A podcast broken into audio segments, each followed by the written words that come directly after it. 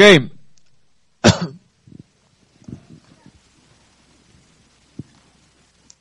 In Spreuken 6, vers 18 en 19. Daar staat, um, en ik lees, ik lees, sorry, ik lees eventjes het vers wat ervoor staat, wat hier niet op staat. Zes dingen haat de Heer. Ja, zeven dingen zijn voor hem een gruwel.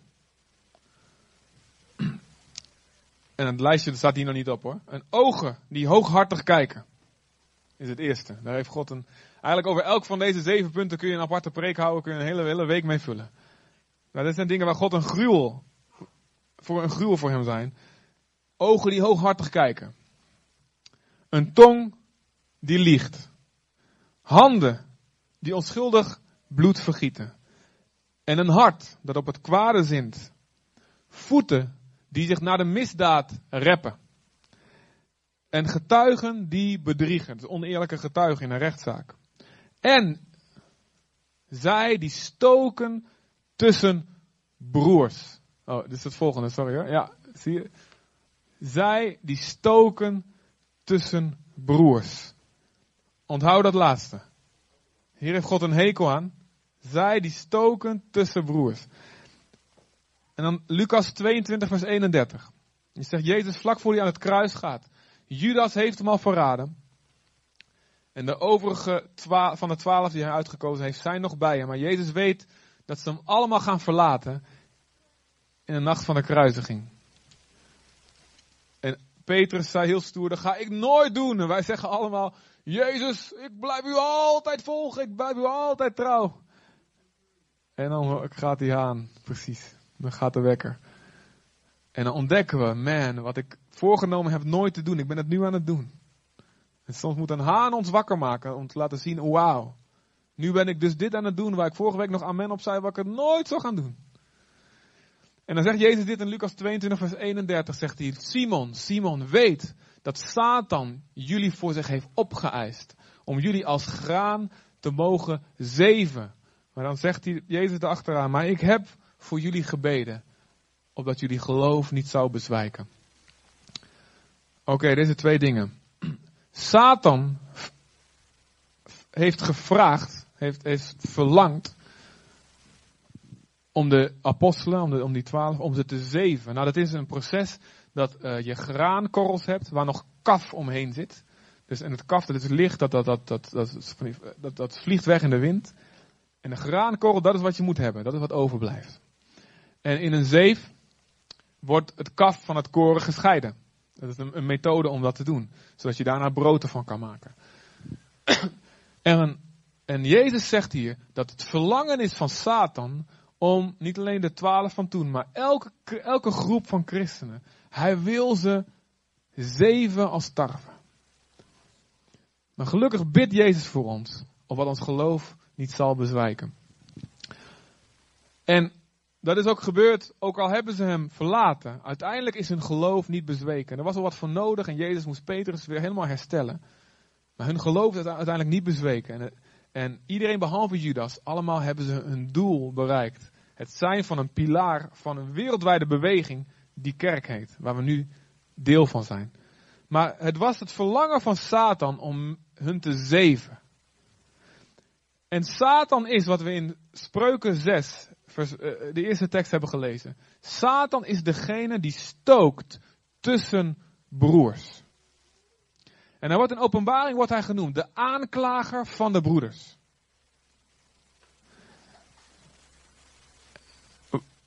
Want de duivel weet vaak beter dan wij hoe belangrijk het is dat gelovigen een eenheid vormen. Dat ze één blok vormen, dat ze één familie zijn. Dat ze elkaar, rug, elkaar rugdekking geven.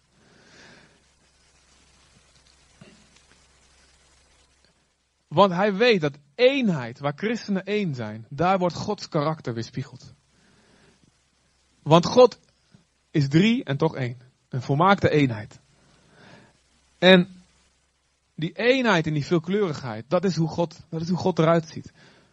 En elke keer als het de duivel lukt om mensen van elkaar af te scheiden, dan gebeurt het weer dat als er anderen zijn die God nog niet kennen, en die zien een, een, een klein clubje van die christenen, die niet omgaan met een ander clubje, dan zien ze maar een eenzijdig beeld van God. En sommige mensen zullen daardoor aangesproken worden en zullen God ook, ook gaan leren kennen. Maar anderen worden niet aangesproken door alleen dat stukje van God, maar hebben dat andere deel van het plaatje, van de puzzel, ook nodig om God te zien.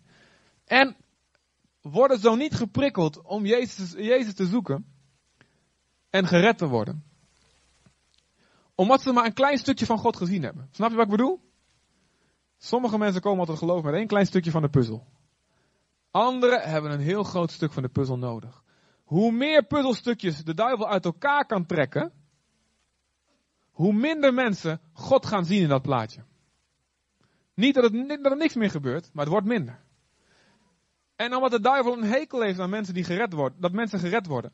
En hij wil dat ze allemaal met hem meegaan in de ellende die voor hem bestemd is, het oordeel wat te komen gaat. Wil hij stoken tussen broers. En het is ontzettend belangrijk dat wij alert zijn. En Jezus zegt ook, wees waakzaam, wees nuchter en waakzaam. De duivel gaat rond en is op zoek naar wie die kan pakken en wie er kwetsbaar is. En zijn methode is om mensen van elkaar af te snijden, mensen te isoleren, zodat ze kwetsbaar zijn. Ik heb dit vaker gezegd, maar een kudde olifanten is onverslaanbaar. Een olifant is een enorm groot beest. Maar tijgers, als ze één olifant van de kudde kunnen afsnijden, kunnen ze die hele olifant opeten. Dus hoe sterk en hoe geweldig je ook bent, Satan wil je afsnijden van gezonde verbindingen. Van gezonde mensen die jou tot zegen zullen zijn. En uiteindelijk je daarmee ook afsnijden van God zelf. En hij weet dat als wij als christenen samen zijn op een plek waar Gods woord klinkt, waar, waar mensen opgebouwd worden in de waarheid. Waar leugens in hun denken voortdurend, dag na dag, week na week afgebroken worden. En vervangen worden door een juist beeld van God. Daar gaan mensen vrij worden, wat we net gezongen hebben. God maakt vrij. En als, als die christenen samen zijn op een plek waar zijn geest beweegt. En hun leven verandert. Dan zijn die christenen een enorme tikkende tijdbom voor het koninkrijk van de duisternis. Want dan gaan ze hun bestemming bereiken en dan gaan ze, gaan ze worden wie ze, wie, ze, door God bedoeld zijn. En het is Satans slimste, gewoon een ja, heel eenvoudige strategie. Haal ze uit elkaar. Verspreid ze. Verdeel en heers. En hij weet ook wat Jezus gezegd heeft. Als de christenen één zijn onder elkaar. Dan is dat zo'n getuigenis naar de wereld, zegt Jezus in Johannes 17. En als, als ze één zijn, dan zullen ze zien dat ik gestuurd ben. Dat ik Jezus gestuurd ben door de Vader. Dat ik degene ben. En de prediker zegt, als één iemand ligt, die kan zichzelf niet warm houden. Maar twee mensen kunnen, kunnen elkaar warm houden. Als in een koude nacht. Als er één iemand valt en niemand die helpt hem overeind. Dat is, eh, dat is een ellendige toestand. Maar als de een valt en er is iemand bij hem, die ander kan hem helpen opstaan. Zo is het ook met je geloofsleven. Je kunt het niet alleen. Je kunt, niet, je kunt het ook niet met een klein clubje afgesneden van de rest. Je hebt iemand nodig die heel anders is dan jij. Die de valkuilen ziet die jij niet ziet. Ik ben zo dankbaar en het huwelijk is een geweldige weerspiegeling ervan. Ik ben dankbaar, mijn vrouw is anders dan ik. Vrouwen zijn sowieso anders dan mannen. Maar ook nog een keer, we hebben een andere persoonlijkheid, andere achtergrond. En daardoor zien wij dingen bij elkaar, gevaren bij elkaar, die we op, in ons eentje niet hadden gezien en kunnen we elkaar ervoor waarschuwen. Als daar een, gewoon korte communicatie is, als daar een levengevende verbinding is. En dat werkt niet alleen in het huwelijk zo, dat werkt ook in een kerk zo. Die, dat leven dat moet stromen tussen de mensen. Maar als Satan ons afsnijdt, als hij heeft gestookt tussen broers, en ik ga zo uitleggen hoe dat werkt. Als hij heeft gestookt tussen broers, en jij hoort niet meer bij die club, of je bent nog wel, zit nog wel in hetzelfde ruimte, maar je denkt van, nou, naar hem luister ik niet meer. Dan heeft hij een levengevende verbinding van je afgesneden. En de duivel weet ook, en dat zag je bij de toren van Babel, als, als, als een groep mensen één doel heeft en één streven heeft en ook nog eens een keer één taal met elkaar spreekt, oftewel er is goede communicatie, en iedereen heeft, ziet hetzelfde plaatje voor zich bij hetzelfde woord, dat is wat het één taal spreken betekent. Dan zegt God zelfs, kwam naar beneden en zei, joh, als ze één zijn, dan kunnen ze alles doen wat ze zich maar voornemen. En omdat het geen goed doel was, heeft, zei God, nou moet ik een taal gaan verwarren. Want anders dan gaan ze het ook nog bereiken wat ze zich voornemen. En dat is geen, ik wil niet dat ze dat bereiken. God, en, en wij de kerk met Pinksteren, toen God de kerk liet geboren worden, deed hij precies het tegenovergestelde. In plaats van dat talen verward werden, spraken ze allemaal één dezelfde. Ook, ook al hadden ze allemaal een andere eigen taal. Ze gingen één taal spreken, de taal van de geest. Weet je nog, met Pinksteren Handelingen 2? Om te laten zien, oké, nu hebben jullie een doel waar ik mijn zegen op kan leggen. De naam van Jezus verhogen. Gods beeld weerspiegelen in de wereld. Zoveel mogelijk mensen, zoveel mogelijk op Jezus laten lijken. Dit doel kan ik zegenen. En nu maak ik jullie talen. Jullie in jullie diversiteit. Ik maak, zorg dat jullie één taal gaan spreken. Met één mond gaan spreken. Snap je? Nou goed, God weet dat. De duivel weet dat. Maar wij christenen vaak, we wandelen een beetje zo naïef door de wereld. Zo, en we hebben niks door. Maar God wil dat we alert zijn. En dat we voortdurend beseffen, joh, we zitten midden in een geestelijke strijd. En onze kleine alledaagse beslissingjes hebben gevolgen voor miljoenen om ons heen. En het gaat om de eeuwigheid van duizenden en duizenden mensen. En Gods wil is dat er eenheid is in huwelijken. Amen. Yes. Dat er eenheid is in families. Dat er eenheid is in vriendschappen. Dat er eenheid is in een gemeente. Dat er eenheid is in een stad, zelfs tussen gemeentes onderling. Yes. Dat er eenheid is zelfs in een land. En dat er eenheid is tussen mens en God. Hoe zaait Satan deze tweedracht? Want dit is belangrijk. We, hebben nu het algemene plaatje. Gods doel. En, en het besef dat er dus een geestelijke macht van duisternis is die daar actief in tegenwerkt. Maar God is geweldig. Zijn woord laat ons zien hoe de duivel werkt. En God heeft het zo ingesteld dat als wij doen wat God zegt, dan zijn er geestelijke wetten ingesteld. Dan moet Satan verliezen. Ook al weet hij dat het gaat gebeuren, hij kan er niks tegen doen zodra wij doen wat God zegt. Is dat niet geweldig? Hij ziet die tekst en hij denkt, oh, hij kent al die, al die Bijbelgedeelten. Oh, als we dit maar niet gaan doen, als we dit maar niet gaan doen. En hij probeert ons af te leiden met allemaal andere dingen. Of hij probeert ons theorieën in ons hoofd te planten, waardoor we maar niet gaan doen wat daar zegt. Waardoor het allemaal niet, ja, dat geldt allemaal niet, dat was van vroeger, dat was van een andere groep, weet je. Want hij weet, zodra we dat gaan doen, kan hij niks. Amen. Want Jozua 1 zegt, overdenk het woord dag en nacht. Zodat je doet alles wat er staat. Niet afwijkt, niet naar links, niet naar de ene kant in het extreme, niet naar de andere kant in het extreme. Doet wat hij zegt. En geen enkele vijand zal voor je stand houden al de dagen van je leven. Amen. Hoe zaait Satan tweedracht? Ik wil daar het voorbeeld gebruiken ten eerste van Absalom. In 2 Samuel 5, 15, sorry. 2 Samuel 15. En Absalom was een verbitterd man. En was de zoon van David. Nou, Jezus heet ook de zoon van David. Dus de andere zoon van David. Met een kleine letter Z. En Absalom, um, ja, er staat dat hij. Uh, ik kan hem wel een beetje met hem identificeren, maar er staat dat hij een hele knappe man was. Alleen met lang haar. Is het enige verschil tussen hem en mij. Ja, het enige verschil. Nou goed dat ik vroeger ook lang haar gehad. Kan je niet voorstellen. Hè? Ik heb lang haar gehad ooit. Tot, tot, hier zo achter. En ja, toen noemden ze mij de Indiaan. Noemden ze mij. En met voetbal deed ik altijd zo staart. Ik vond het heel cool zo.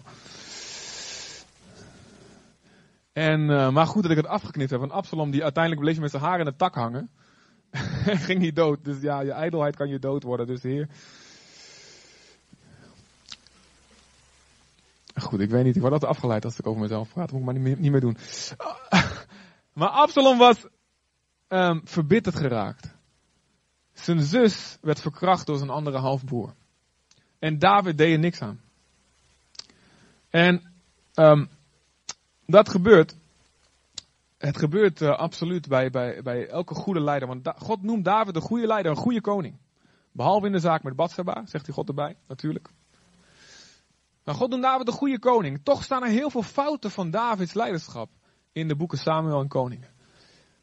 En een van de fouten is dat David zijn eigen zoon niet aanpakt die zijn eigen dochter verkracht. En dat zie je ook vaak als je in de wereld um, de politie niet goed optreedt. Dan gaan mensen eigen rechter spelen, toch? Dan krijg je de neiging, oh nou de politie komt toch niet, weet je wat? Ik neem het recht maar in eigen hand. En dit is wat Absalom ook gedaan heeft. Omdat David niet ingreep, zei hij, weet je wat, ik maak er wel een eind aan. En hij, met een list vermoordde hij Amnon, zijn broer, de verkrachter. En moest hij vluchten uit het land. Omdat hij zonder een rechtszaak voor eigen rechter gespeeld heeft. Geweld gebruikt heeft. Uiteindelijk wordt hij via, door bemiddeling van Nathan wordt hij weer, en van Joab uh, wordt hij weer teruggehaald. Mag hij weer in Jeruzalem wonen. Dan heeft hij een ontmoeting met de koning. Maar goed, de warmte van de relatie wordt niet meer hersteld. En dan die bitterheid in het hart van Absalom. Mijn vader. Slappe vent. Hij had moeten ingrijpen. En goed, of technisch gezien ben ik weer terug. Ik ben weer terug in de stad. Ik ben weer terug onder zijn bescherming. En officieel gezien is de vrede gesloten. Ken je dat van die, van die, van die, van die relatie? Je hebt officieel vrede gesloten. Maar diep in je hart denk je nog van, oh, als er een moment komt, dan pak ik je. Denk je natuurlijk allemaal niet, allemaal lieve mensen. Andere mensen denken dat alleen. Maar er zijn mensen die zo denken. En Absalom had ook. En zijn bitterheid leidde ertoe dat hij in opstand ging. En hij ging hierin op zo'n manier handelen dat hij de karakter van Satan weerspiegelt. En ik wil dat jullie kijken naar wat Absalom doet. En het, ik wil het gebruiken als een beeld voor wat Satan doet. En ook wat mensen die op hem lijken, doen. Zodat je het herkent wanneer het gebeurt. Dus Absalom zegt, ik, wil, ik ga een plan bedenken om zelf koning te worden. Maar ja, David was razend populair onder het volk, had grote overwinningen gehaald. Hoe ga ik zorgen dat ik uiteindelijk koning word? En hier zie je wat hij doet. Enige tijd later liet Absalom een wagen maken, schafte zich paarden aan en nam een escorte van 50 man in dienst. Nou, dit begint hiermee. Hij gaat eerst eens eventjes, hij gaat de boodschap langzaam brengen. Hij gaat laten zien hoe geweldig hij is. Kijk eens mensen, ik ben belangrijk. Ik ben niet zomaar die zoon eh, met die knappe kop en die lange haren. Ik ben belangrijk. Huur 50 man in, paarden en wagens. Kijk eens naar wat ik ben. Hij trekt je aandacht. En dan, dan, elke ochtend vroeg, stelde hij zich op bij de stadspoort. Hij ging op een strategische plek staan waar mensen hem zagen. En hij sprak iedereen aan die op weg was naar de koning om een uitspraak te vragen in een rechtsgeschil. Waar komt u vandaan? vroeg hij dan. En wanneer het antwoord dan luidde uit dat en dat stamgebied van Israël, dan zei Absalom, hoor eens, ook al hebt u volkomen gelijk, bij de koning zult u geen gehoor vinden. En hij vervolgde, waarom word ik niet aangesteld tot rechter over dit land? Ik zou iedereen in het gelijk stellen die een geschil of een rechtsvordering aan me kwam voorleggen. Wanneer zo iemand dan voor Absalom wilde neerknielen, breidde Absalom zijn armen uit en omhelste hem. En zo trad hij iedereen uit Israël tegemoet die een uitspraak kwam vragen bij de koning. En op die manier palmde hij het volk van Israël in. In de oude vertaling staat, hij stal, en dat is niet zo'n ding met koeien, maar de verleden tijd van stelen. Hij stal het hart van het volk van Israël. Let op, wat doet Absalom hier? En wat is de manier hoe de loyaliteit van een volk, van een gezonde koning, wordt gestolen en bewogen richting de loyaliteit aan een verkeerde koning, die hen op een verkeerde weg leidt. Ik zie hier drie stappen. Maar ik zie hier ten eerste dat hij maakt, dit is niet echt een stap, hij maakt gebruik van de afstand die er is tussen het volk en de koning. De koning heeft het druk. Hij kan niet iedereen tegelijk zien. En hij ziet, de koning, koning moet, moet rechtszaken. Die heeft niet de tijd om in de stadspoort van iedereen een beetje zitten te paaien en te omhelzen en te knuffelen en, en al die dingen. Daar heeft hij geen tijd voor. Hij is druk bezig. En hij maakt gebruik. Hij springt in dat gat. Er is een afstand. Hé, hey, hier is mijn kans. En hij zegt. En, en, hij gaat, heeft hij drie stappen. Hij gaat vleien. Twee, hij gaat afkraken. En drie, hij gaat opscheppen. Het eerste is, hij gaat vleien. Je, ja, je hebt volkomen gelijk. Heb je gehoord wat hij, dat hij dat zei? Jullie, uh, jullie rechtszaak, ach, ik snap dat helemaal. Weet je, ik, ik snap je. Ik snap je echt waar. Je bent zo'n geweldig iemand. En jouw rechtszaak, ach, ik, Jij jongen, je bent geweest. Er is niks mis met jou. Dit is wat de, wat de vijand als eerste doet. Om je hart te stelen. Hij vlijt je. Hij zegt je, joh, je hoeft niet te veranderen. Dit is, geweldig zoals het gaat. Joh, die zonde, die karakter trekken, hoef je helemaal niet vanaf, joh. Dat is niet, is helemaal, jij hebt volkomen gelijk. Echt waar. Ja, ja, goed. Vergeven? Nee, joh. Die, eh, vergeven. Jij hebt gelijk, man. Echt niet. Ik snap het helemaal. Je, alle recht dat je boos bent. Vleien. Dus de tong van een slang. Die in je oor kietelt. En de tweede gaat hij, na het vleien gaat hij David afkraken. Hij zegt, jij hebt gelijk. Maar die koning die luistert niet naar je. Die koning die, ach, die heeft helemaal geen tijd. Die raffelt de boel een beetje af. En die is alleen maar bezig met zijn andere projecten. En met zijn oorlogen. En alleen maar aan het bidden en zo in die tabernakel van hem, in die tempel van hem. En uh, die tempel was nog niet. En alleen maar bezig met een harpje spelen, die koningsjongen. En, ah, ah, afkraken. Het gezonde afkraken. En ten derde wat hij doet, stelde men mij maar aan als koning. Ik zou iedereen een geweldige toekomst geven. En één voor één stal hij de harten van de mensen. Hij pakte ze, hij palmde ze in. En toen kwamen ze en, en we gingen ze voor hem neerknielen en zei, nee joh, je hoeft niet te knielen. Hoeft niet joh, hier, knuffel. Ik ben niet zo'n koning als David die uit de hoogte doet. Ik ben iemand die, ik ben een man van het volk.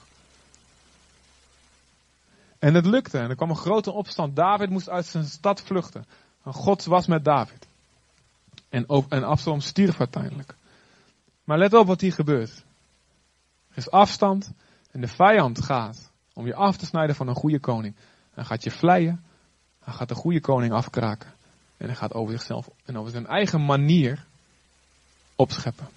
Er is een ander voorbeeld in de Bijbel. Waarin precies hetzelfde gebeurt. is met Paulus. Paulus was iemand die heel veel kerken plantte en stichtte. En was voortdurend op reis. En hij had een gemeente gesticht. Onder andere in de stad Korinthe in Griekenland. En, um, en in een streek die heet Galaten. En je ziet elke keer als hij weggaat, hij reist rond en hij stelt daar oudsten aan. En maar hij is op, voortdurend op nieuwe plekken. En dan komen er op heel veel plekken komen daar wolven in schaapskleren. Die denken, hé, hey, een groep mensen bij elkaar. En ze zijn misschien nog een beetje goed gelovig. Daar kan ik een handeltje uithalen. Daar kan ik een slaatje uitslaan. Daar kan ik een belangrijk iemand in worden. En dat ze, dat ze een positie naar zichzelf beginnen toe te trekken. En Paulus in zijn brieven dan zie je, dat hij daarop ingaat. En je ziet dat deze, deze valse apostelen of valse leraars, die doen precies hetzelfde wat Absalom doet. Er is een afstand. En dan gaan ze vleien. In Galaten 4 vers 17. Dan zegt Paulus, zij beijveren zich voor jullie. Maar niet met goede bedoelingen. Die valse apostelen, ze renden zich de shirt van hun lijf om alles maar te doen. Ze beijveren zich. En dan gaat Paulus afkraken. In 2 Korinthe 11 vers 7 zie je dat Paulus daarop ingaat. Dat ze zeiden, joh die Paulus, die vraagt geen eens een vergoeding. Nou, dat is toch raar. Wat zwak van hem dat hij niet eens geld wil hebben. Dat klopt niet. En weet je, kromme redenering. Dus Paulus die had in Korinthe een strategie. Hij wist dat, ze mensen, dat mensen aanstoot zouden nemen als hij van hun geld zou vragen. Dus liet hij zich ondersteunen, wel door christenen, maar de christenen uit andere plaatsen. Want hij wist, in deze stad moet ik geen geld vragen. Nou, juist dat wat hij dus gedaan had uit liefde voor de Corinthiërs, werd gebruikt als een bewijs. Nou, zie je wel echt, als hij een echt professionele apostel was, dan had hij wel geld aangenomen hoor. En in 2 Korinthe 10 vers 10, dus daar herhaalt Paulus een ander stuk kritiek wat ze hebben. Er zijn er namelijk die zeggen, in zijn brieven slaat hij weliswaar een gewichtige en imponerende toon aan. Maar zijn persoonlijk optreden is zwak. En wat hij zegt heeft weinig te betekenen. Zijn spreken is verachtelijk. Ja, die brief die ziet er indrukwekkend uit hoor, maar ik heb hem gezien en zo'n klein mannetje. En hij kan helemaal niet preken. Weet je, hij preekt zo lang. Ik heb een keer gehoord, er viel iemand, hij preekte door, tot middernacht preekte hij door. Viel iemand in slaap, was hij dood. Staat er niet bij dat hij daarna uit de dood werd opgewekt. Dus, ik bedoel. De, ze kraken Paulus af. Want. Ze willen zelf die plek innemen die Paulus in hun. Die Paulus in hun midden heeft. Dit zijn valse apostelen, zijn bedrieglijke arbeiders die zich voordoen als apostelen van Christus. En geen wonder, wat ook de Satan doet zich voor als een engel van het licht. En het waren mensen die zichzelf aanbevelen, het opscheppen over zichzelf. Dus ook bij Paulus gebeurde precies hetzelfde. Er is een afstand en de tegenstanders gingen de mensen vleien. Ze gingen de goede apostel afkraken en ze gingen over zichzelf opscheppen. En als je kijkt in Genesis 3. Kijkt in Genesis 3 wat de slang doet bij Adam en Eva. Dit is het precies hetzelfde patroon. Er is een afstand. Want God, die kwam maar één keer in de dag. En de avondkoelte kwam hij. Hij was, ergens was God even niet zichtbaar voor ze in die tuin. En de slang komt ertussen. En hij zegt, God heeft gezegd. God heeft gezegd. Een beetje als een slang praat, hè. God heeft gezegd, je mag zeker niks eten, hè? Flauw van hem. Nou, ja, we mogen niet, hoezo alles? Nee, alleen die boom. Want anders dan gaan we dood, zegt Eva. Nou, je gaat helemaal niet dood hoor, nee. Want God is een beetje egoïstisch. En een beetje, voelt zich heel makkelijk bedreigd. is een beetje onzeker. God. Want hij weet dat als je ervan eet, dan word je net als hem. Dat is helemaal niet waar. Wat hij allemaal zegt, moet je maar niet geloven. Kijk maar hoe het eruit ziet. Oeh, die mooie glimmende appel. Nou goed, je kunt zelf... Uh, zelf een toneelstukje van maken van hoe dat allemaal ging. Maar je ziet er precies hetzelfde. Er is een afstand. En de duivel gaat ze vleien. Oh joh, dat is toch hartstikke goed bij je passen om precies op God te lijken. Oh ja, ik zie me dan zo voor me. En dan gaat de, de goede koning afkraken. Die God is onzeker, die God voelt zich bedreigd. En hij gaat opscheppen over, dus een alternatief. Check mijn vette alternatief. Gewoon eten joh. Helemaal geen probleem. En Eva denkt inderdaad. Ja man, inderdaad, ziet er wel lekker uit. En ze hecht geloof. Woorden van God, woorden van de slang. Woorden van God, woorden van de stoker. Hap. En ik heb het vaker gezegd, maar weet je, wij kunnen heel makkelijk op een afstandje staan en zeggen, eh, wat Adam en Eva gedaan hebben, dat snap ik niet, joh. Dat snap ik echt niet. Ik bedoel, dan weet je dat God je gemaakt heeft. Hè? Adam heeft helemaal geen navel. Wat voor bewijs wil je nog meer? Ja, toch? Adam had geen navel. Amen. Adam had geen navel. Dus wat voor bewijs wil je nog meer? God heeft je. Ziet hem elke dag. Komt hij met je wandelen. En dan komt zo'n slang, zo'n tuinslang. Dat zou ik echt nooit doen. Maar weet je wat? Wij doen het net zo goed. Want weet je, God heeft wonderen gedaan in ons midden. Ja, toch? Bijna iedereen van ons kan getuigen. God heeft ons op een zeker moment heeft hij, heeft ons genezen. Hij heeft ons gered uit de situatie. Hij heeft tot ons gesproken. Hij heeft ons veranderd. En toch weer, komt die tuinslang en we happen weer. Ik ook. Voor je het weet, zit je er weer in. En dit is wat gebeurt tussen wat Satan doet tussen mensen onderling. Hij ziet dat je een gezonde connectie hebt met iemand, een gezonde vriendschap, een gezond huwelijk, een potentiële, of iets wat nog helemaal niet uitgebloeid is. Maar dit zou, dit zou iets kunnen worden. Hij zegt, oeh, die gasten gaan elkaar tot zegen zijn. Ga stoken. Ik ga leugen planten in zijn hoofd. Over die ander. Zodat er daar een schot tussen komt. En die zegen niet verder stroomt. En weet je wat, ik ga verdere afstand creëren. Daar kan ik dan makkelijk in inkomen. En dit is waarom God zegt, Hebreeën 10 vers 25, joh, kom nou gewoon, elke keer als de kerk is, kom gewoon. Ga niet skippen. Ga niet om de week komen. Ga niet komen zolang, zolang het je uitkomt. Wees er gewoon. Waarom? Hoe meer afstand er is tussen jou en andere christenen, hoe makkelijker de duivel tussenkomt. En of er gebeurt iets en je bent beledigd. En iemand die kijkt vreemd tegen je. Of die zegt iets. En je, je snapt het niet helemaal. Ga praten. Ga praten. De duivel wil dat je niet gaat praten. Dat je die afstand groot houdt. Dat de afstand alleen maar groter wordt. Dan kan hij ertussen gaan zitten. Dan kan hij jou vleien. Dan kan hij de ander afkraken. Dan kan hij over een verkeerde weg opscheppen. En voor je het weet, hap. Snap je? Satan is de stoker tussen de broers. En hij gebruikt wat er ook maar. Wat ook maar voorhanden is. Om jou af te snijden. Een gerucht. Kwaadsprekerij of roddel. Of misschien een subtiele vorm daarvan. Een kleine insinuatie, suggestie. Weet je, misschien. Het lijkt wel allemaal geweldig, maar er zit, volgens mij zit daar een dubbele bodem, een dubbele bedoeling achter. Een ervaring van vroeger. Ja, weet je wat? Die, dat, ziet er goed uit. Dat is wel, die is wel aardig, maar weet je nog vroeger? Die en die manipuleerde ook altijd zo. Om zijn zin te krijgen. Dat is precies hetzelfde met deze. afstand. Duizenden variaties. Die niet allemaal op te noemen zijn in één preek. Maar voor iedereen heeft hij een eigen plan, een eigen strategie.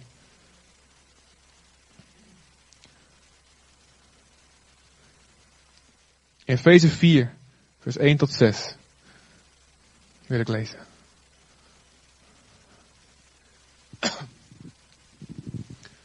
Efeze 4 vanaf vers 1 tot 6.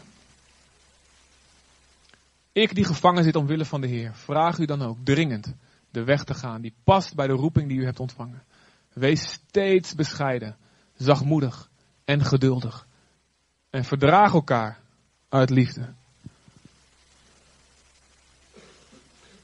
Span u in om door de samenbiddende kracht van de vrede de eenheid te bewaren die de geest u geeft. Eén lichaam, één geest, zoals u één hoop hebt op grond van uw roeping.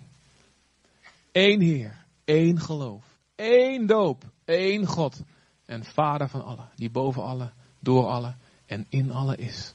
Je ziet hier in vers 3, zegt hij, span je in om de eenheid te bewaren. En dat woord inspannen is in het Grieks spaudazo of spoudazo, ik weet niet hoe dat zegt. Ik ben geen Griek. Niet harig genoeg om een Griek te zijn, denk ik. Maar dat, dat komt van het woord snel zijn.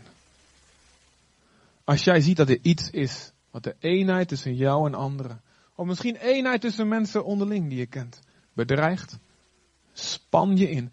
Haast je. Wees sneller mee. Laat er geen gras over groeien. En zeg, wat is hier aan de hand?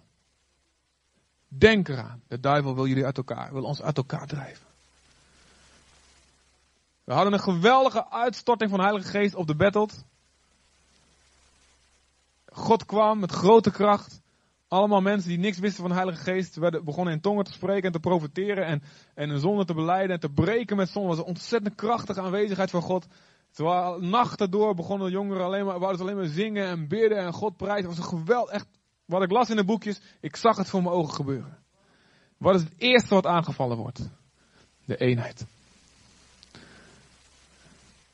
Binnen een week zat de duivel ertussen. En er kwam discussie in mijn leidersgroep.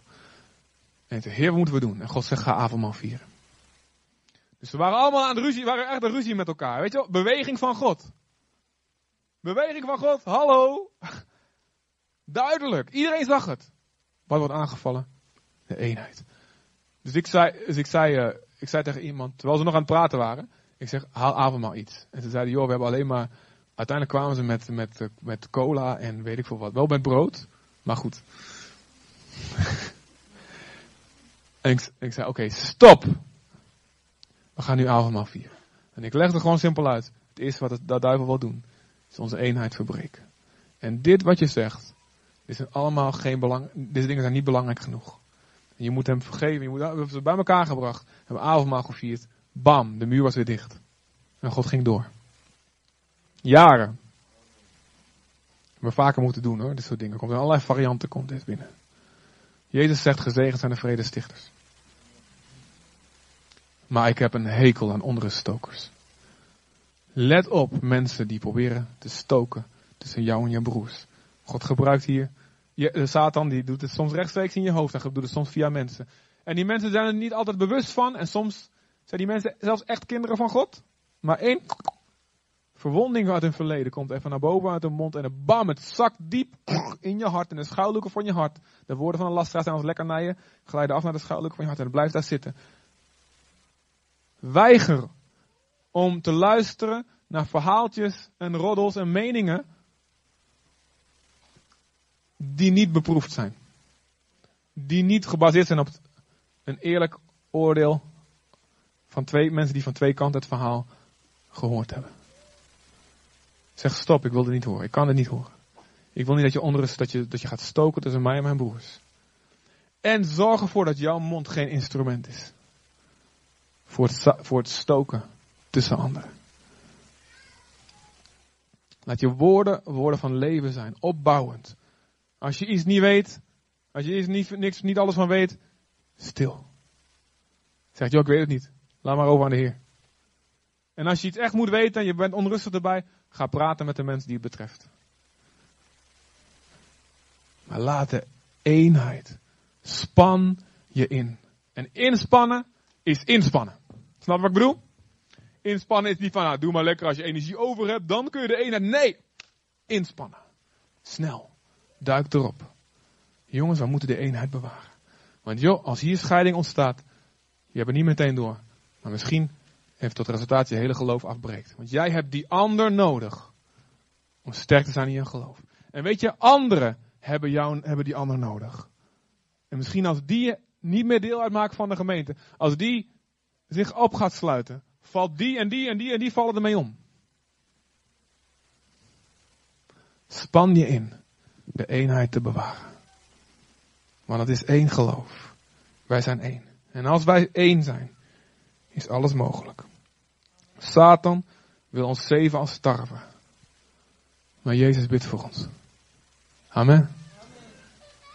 En ik kan je garanderen, er is vandaag al voor ieder van jullie gebeden. Niet alleen door mij, ook door anderen. Dat je geloof niet zal bezwijken. Dat het, dat het Satans plan niet zal lukken jou af te snijden van gezonde verbindingen. Want weet je, het uiteindelijke doel is dat de duivel jou een leugen kan planten over wie God zelf is. En te stoken tussen jou en God. En God te gaan afkraken. En zeggen, joh, God komt niet opdagen. God zegt wel dat hij je niet zal begeven en zal verlaten. En er staat wel in de psalmen. Ik heb nog nooit een rechtvaardige gezien die brood nodig heeft. God zegt wel dat hij je herder is en er zal niks ontbreken. Maar, eh, en die dan? En toen, waar was God toen? Ah, ah, je moet voor jezelf opkomen. Je moet zorgen dat je het geld binnenhaalt. En als het niet helemaal eerlijk is, je moet voor jezelf zorgen. God zorgt voor degene die voor zichzelf zorgt. Huh? En je denkt, ja, inderdaad. En wat voor variatie ook hierop. Dit is het uiteindelijke doel van Satan. Je af te snijden van God. Wees alert. Wees nuchter en waakzaam. Want God, door de verbinding met Hem, zijn we in staat voor struikelen beschermd te worden. Zeg, Heer, ik weet het niet. Heer, ik, ik moet eerlijk zeggen. Heer, ik weet het niet. Ik heb geen inzicht in de geestelijke wereld zoals u dat heeft, maar ik geloof dat u me wijzer kan maken dan mijn vijand op Psalm 119. Dat u mij inzicht kan geven wanneer de duivel bezig is en wanneer u het bent die spreekt. Dank u wel, Heer.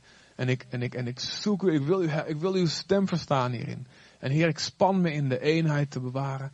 Help me, God. En help me, Heer, om, om me nooit af te sluiten voor anderen. Ook al zijn ze heel anders dan ik. God, help me, Heer. En, en help me om het, dat anderen mijn blinde, vlek, mijn blinde vlekken kunnen inspreken. Zodat wij met z'n allen, hier als gemeente, maar ook als gemeenten onderling, een grote, krachtige eenheid kunnen vormen. We generaties en generaties bij elkaar kunnen blijven. Onze, onze kinderen met elkaar, die met elkaar opgroeien. Samen met elkaar groot worden. We allemaal als oudjes op de achterste rij kunnen zitten kijken onze kinderen. En dan we de generatie daarna mogen zien. En we kunnen zien hoe God een grote oogst binnenhaalt. Hier in Zutphen. Hoe hier gemeentes gaan ontstaan. Uit deze gemeenten. Die over de hele wereld gezaaid worden. Hoe we samen kunnen genieten van de vrucht van een krachtige eenheid. Van mensen die elkaar trouw blijven, die bij elkaar blijven. Die niks tussen hun in laten komen. Die niks en niemand laten stoken in een goed huwelijk. Amen. Wil jullie gaan staan met mij?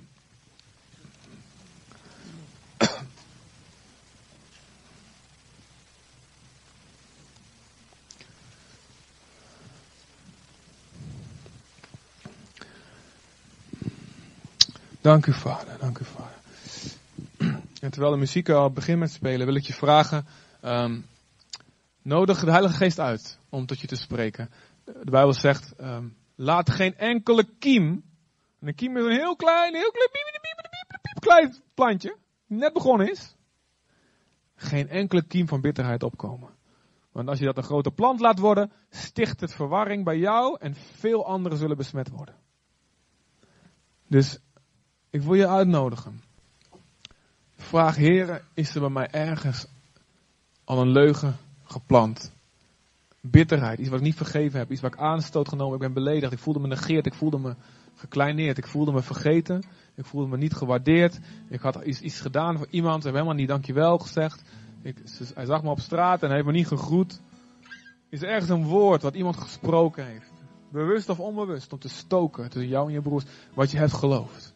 Zeg, Heer, ik bekeer me ervan. Ik gooi het weg. Als je het ontdekt, als de Heilige Geest je spreekt, zeg Jezus, ik wil het niet, ik wil het niet, ik wil het niet. Ik wil het niet. Ik span me in de eenheid, de eenheid die God ons geeft en die te bewaren. En spreek het maar uit tegen God. En zeg maar, zeg het maar, Heer, ik dat, oké, dat en dat. Alles wat je spot. De geest van de mens is als een lamp van de Heer. Hij doorzoekt de schuilhoeken van het hart. Laat jouw geest, samen met de Heilige Geest, laat ze maar de schuilhoeken van je hart ingaan. En ze duivel kunnen stoken. En zeg ik gooi het van me af, ik werp het van me af. En misschien is het dus in jou en God. Misschien heeft Satan gelasterd over God. God zorgt niet voor je. God is helemaal niet zo goed. God vergeeft helemaal niet. Hij zegt wel dat hij je vergeeft, maar je moet nog, je moet nog wel extra wat bij de prijs toevoegen hoor. Dat kruis was helemaal niet genoeg. Wat voor leugens er ook maar zijn. Zeg in Jezus' naam, ik werp het van me af, Heer. Misschien is er iemand die je op moet gaan zoeken. Met wie je koffie moet gaan drinken. Je hebt allerlei meningen over ze gehad. En je hebt ze uitgesproken over alleen maar gedacht. En God zegt, ga maar gewoon ze leren kennen. Nodig ze uit. Kook een lekkere maaltijd voor ze. Neem ze mee uit eten. Neem ze mee voor een bak koffie. En ga eens vragen naar hun verhaal. Misschien heb je hem harder nodig dan je denkt. Misschien heb je haar harder nodig dan je denkt. Voordat je een oordeel velt. Ga luisteren. Ga luisteren. Span je in de eenheid te bewaren. Misschien is er iemand die is weggegaan, is afgedwaald. Weg van deze kerk of weg van geloof of weg uit een vriendschap. Misschien in je familie. Laat God het je spreken. Misschien zegt God, weet je, zoek ze weer op. Wees als mij, de goede herder.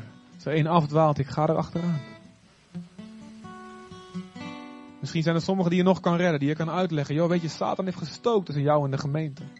Satan heeft gestookt tussen jou en en die broeder of die leider of die, die zus. Laat je ogen open gaan. Dan kun je ze helpen. Vader, help ons. Ik dank u wel, Heer. U zegt als we één zijn, is alles mogelijk. Nou, dat willen we. We willen alles. We willen een toren bouwen. Maar niet een toren van Babel, maar een toren voor Jezus. Dat iedereen u ziet. Dat iedereen die toren ziet en denkt, wauw, daar moeten we naartoe. God, we willen een eenheid vormen. Help ons. En u bent in staat ons voor struikelen te behoeden. U bent in staat, heren, dat ons te helpen de duivel voor te zijn. In Jezus' naam. Vader, wij zijn een generatie van vredestichters. Amen. Wij zijn een generatie van opbouwers en niet van afbrekers. In Jezus' naam, Heer, laat het anders hier gaan, Heer, dan in al die denominaties en kerken die geflopt zijn uiteindelijk omdat er verdeeldheid gezaaid is. Jezus, Heer, wij geloven dat U het anders kan laten zijn, Heer. We hebben het voorbeeld kunnen volgen van ook die andere goede voorbeelden. Die samen met elkaar generaties al aan het bouwen zijn. Die niks tussen die goede vriendschap in laten komen. Amen. Amen, gemeente. Yes. Alright.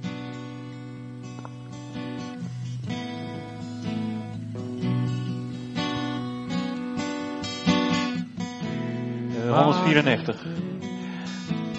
U maakt ons een, u bracht ons te samen.